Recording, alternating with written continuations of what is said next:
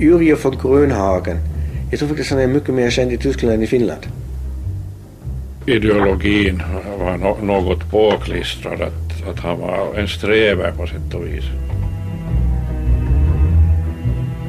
Und Himmler war sozusagen besonders halt an den Finnen interessiert. Und Grönhagen spielte da gerade bis in die 40er Jahre hinein so diese, dieses Bindeglied zwischen SS, finnischer Politik. Nej, men se on helppo olla jälkiviisas.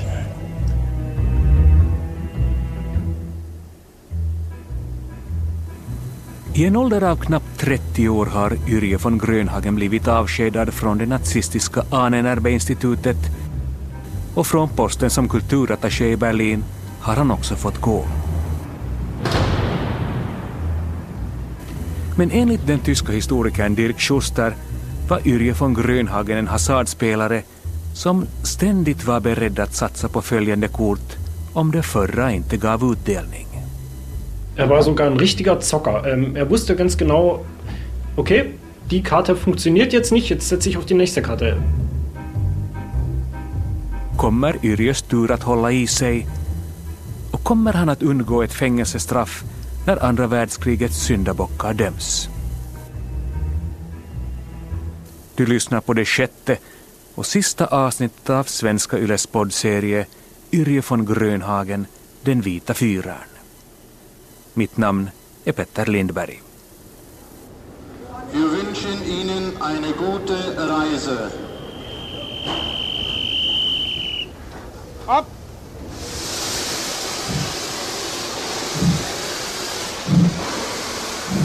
Än en gång står Yrje utan jobb och framtidsplaner.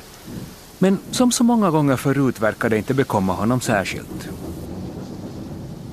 Huvudsaken är att han inte hamnar vid fronten, säger historikern Malte Gasche. I början skulle jag säga okej, okay, han var ute efter äventyr och han ville vara viktigt och så vidare. Han sökte den uppmärksamheten.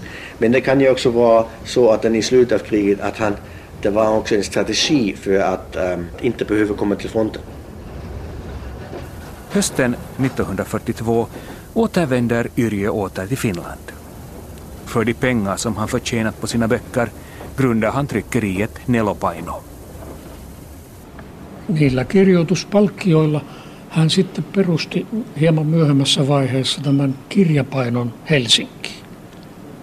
Eli, eli se on ollut myös tuottoisaa puuhaa jossain vaiheessa. Bokutgivningen i Tyskland måste ha varit ganska lukrativ eftersom man efter kriget kunde grunda ett eget tryckeri, säger Jukkali Hesvirta. Men förlagsverksamheten blir inte långvarig för mitt under fortsättningskriget får han i uppdrag att åka till Lappland.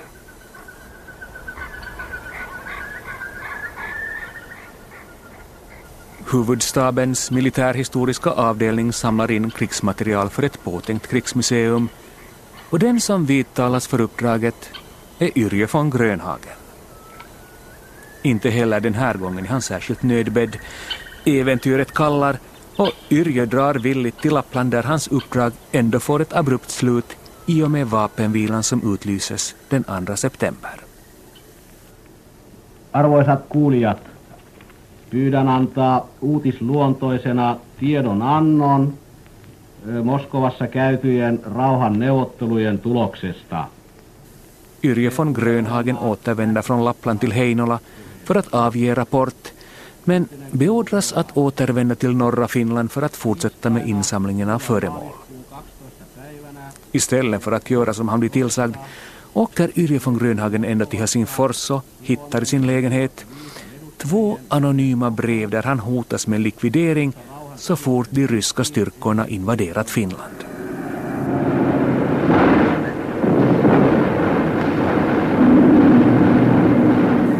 I Finland fruktar man en rysk invasion. Yrje von Grönhagen har ingen lust att invänta ett ryskt maktövertagande och en säker död och bestämmer sig därför för att fly. Alternativen är Sverige och naturligtvis Tyskland där han fortfarande hoppas att himlen ska lägga sin beskyddande hand över honom. Aber bis dahin hat es wirklich geschafft, ähm, Grönhagen zu beschützen und Grönhagen hat es geschafft, Heinrich Himmler zu bezirzen. Und das geht halt über Charisma. Dessutom har Yrje von Grönhagen innestående arvoden på Viking och Norrlandförlagen vilket ytterligare talar för en snabb reträtt till Tyskland.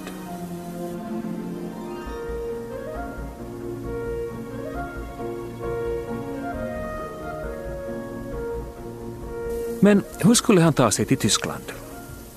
I norra Finland skulle militärmyndigheterna knappast släppa honom vidare. Därför återstod vägen via Estland.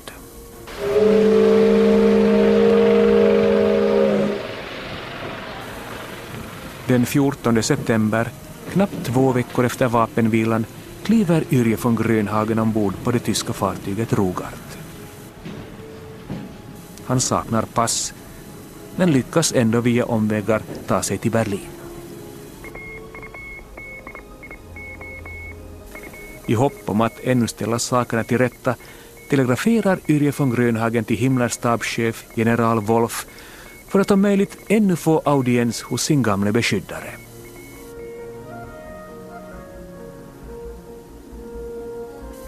Yrje får ett överraskande svar av general Wolf som vill att han ska komma till Italien för att framlägga sitt ärende. Ja, minä Italiassa olin kenraali Wolfen luona päivällisellä ja sitten kutsuin Mussolini. Se oli se loppuaikana, hän oli jo laiha, syöpä luultavasti. Sagt och gjort, Yrje åker till Italien där han träffar general Wolf och enligt egen utsago en luggsliten Mussolini. Yrjö är orolig över att ett tyskprovocerat uppror kan innebära slutet på en finsk självständighet och att Tyskland i så fall måste bereda sig på en finsk flyktingström. Yrje von Grönhagens oro väcker ingen genklang hos den tyska generalen och med oförrättat ärende återvänder han till Berlin. Än en gång har han lyckats reta upp landets makthavare och Gestapo och inte ens himlens välvilja kan han längre räkna med. Yrje von Grönhagen börjar fundera och följande flyktväg.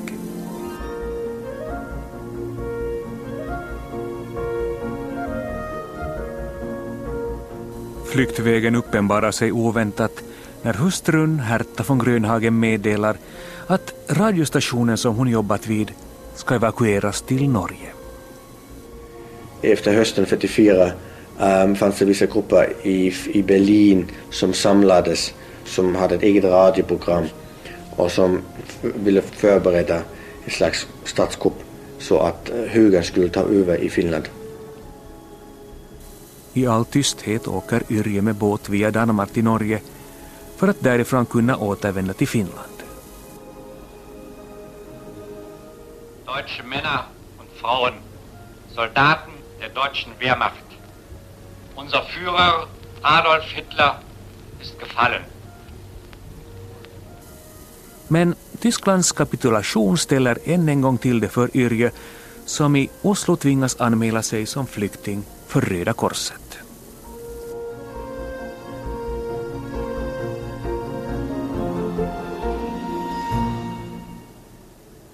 Norska statens flyktingbyrå sköter många finska flyktingars ärenden och eftersom Yrje verkar vara en språkkunnig och driftig man undrar man om inte han kan bli ett slags förbindelseofficer mellan norska myndigheter och finska fångar. Ett halvår senare blir Yrje avslöjad. Han har hittills utgett sig för att komma från Finland men när det uppdagas att hans flyktväg gått via Tyskland blir han fängslad och förhörd misstänkt för eventuella nazikopplingar.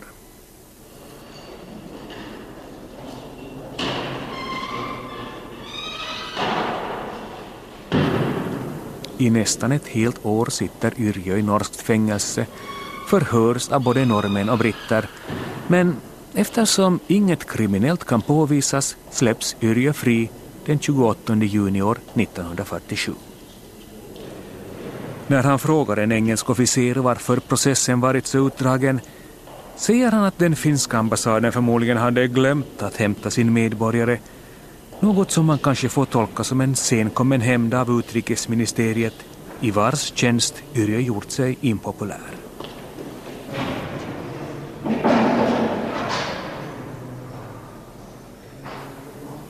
Yrjö gör en offentlig avbön. Han medger att han olovligt avvek från tjänst när han flydde till Tyskland. Han medger också att han ställde förhoppningar till den finsk-tyska alliansen men att han sedermera fick upp ögonen för de olägenheter och grymheter som påträffats i Nazityskland och att han därför ändrat uppfattning. Mutta se on helppo olla jälkiviisas.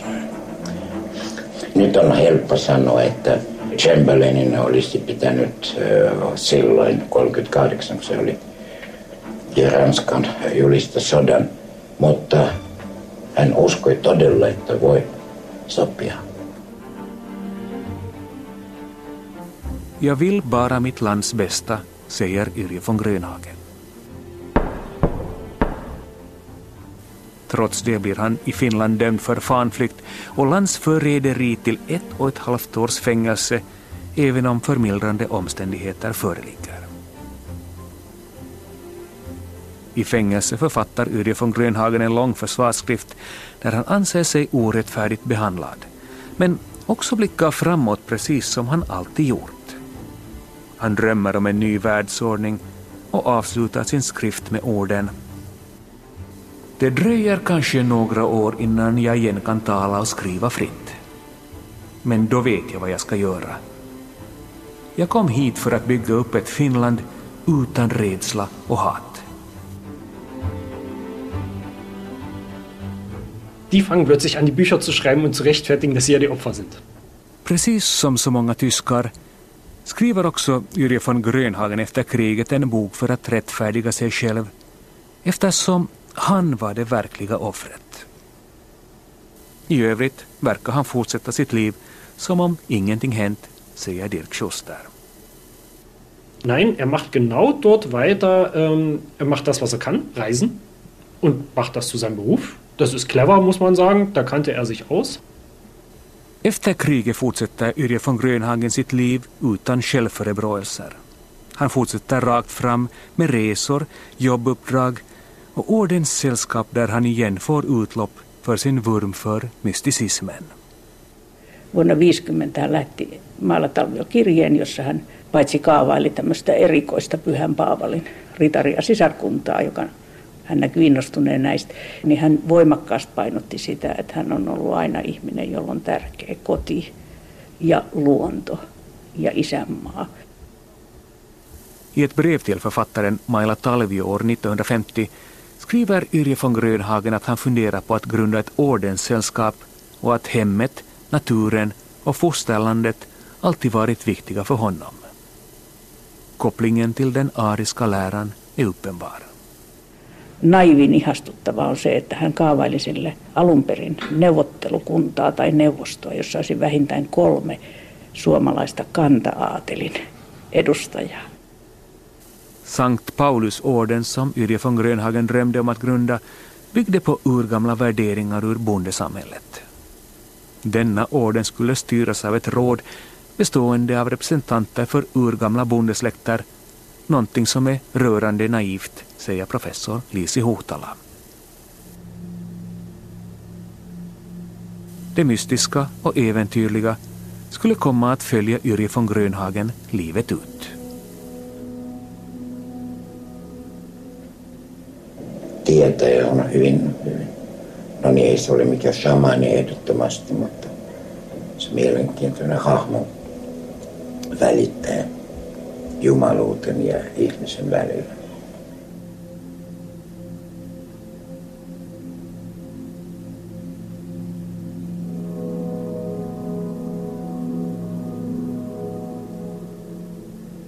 Han grundade ju bland annat någonting som heter Konstantin den stores orden som har verksamhet i Finland, Sverige och tror jag Belgien.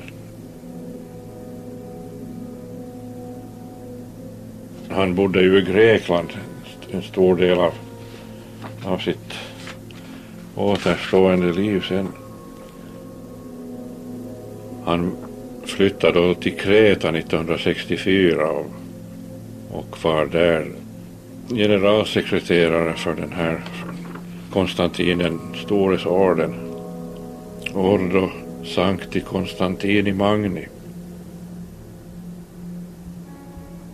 Grönhagens vurm för mysticismen får en allt tydligare riktning, säger redaktören Henrik Ekberg.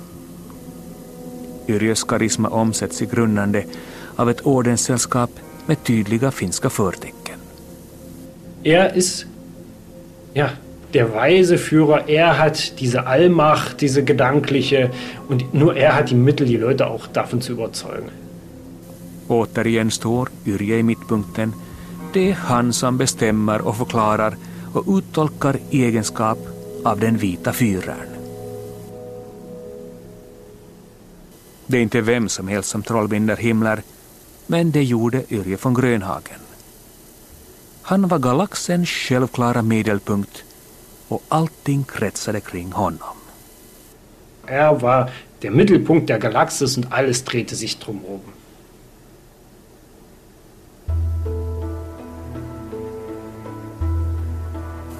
Du har hört det sista avsnittet av Svenska Yles poddserie Yrje von Grönhagen, Den vita fyraren.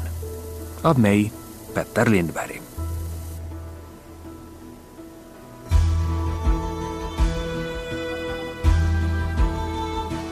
I serien medverkar historikerna Malte Gasche och Dirk Schuster, redaktörerna Henrik Ekberg och Jukka Lehesvirta, professorerna Lisi Huhtala och Ingrid Schellbach Kopra, germanisten Gert Simon och Yrje von Grönhagen själv i en intervju som gjordes år 1986 av Vilpo Saunio. För ljuddesignen stod Jyrki Häyrinen. Producent var Staffan von Martens.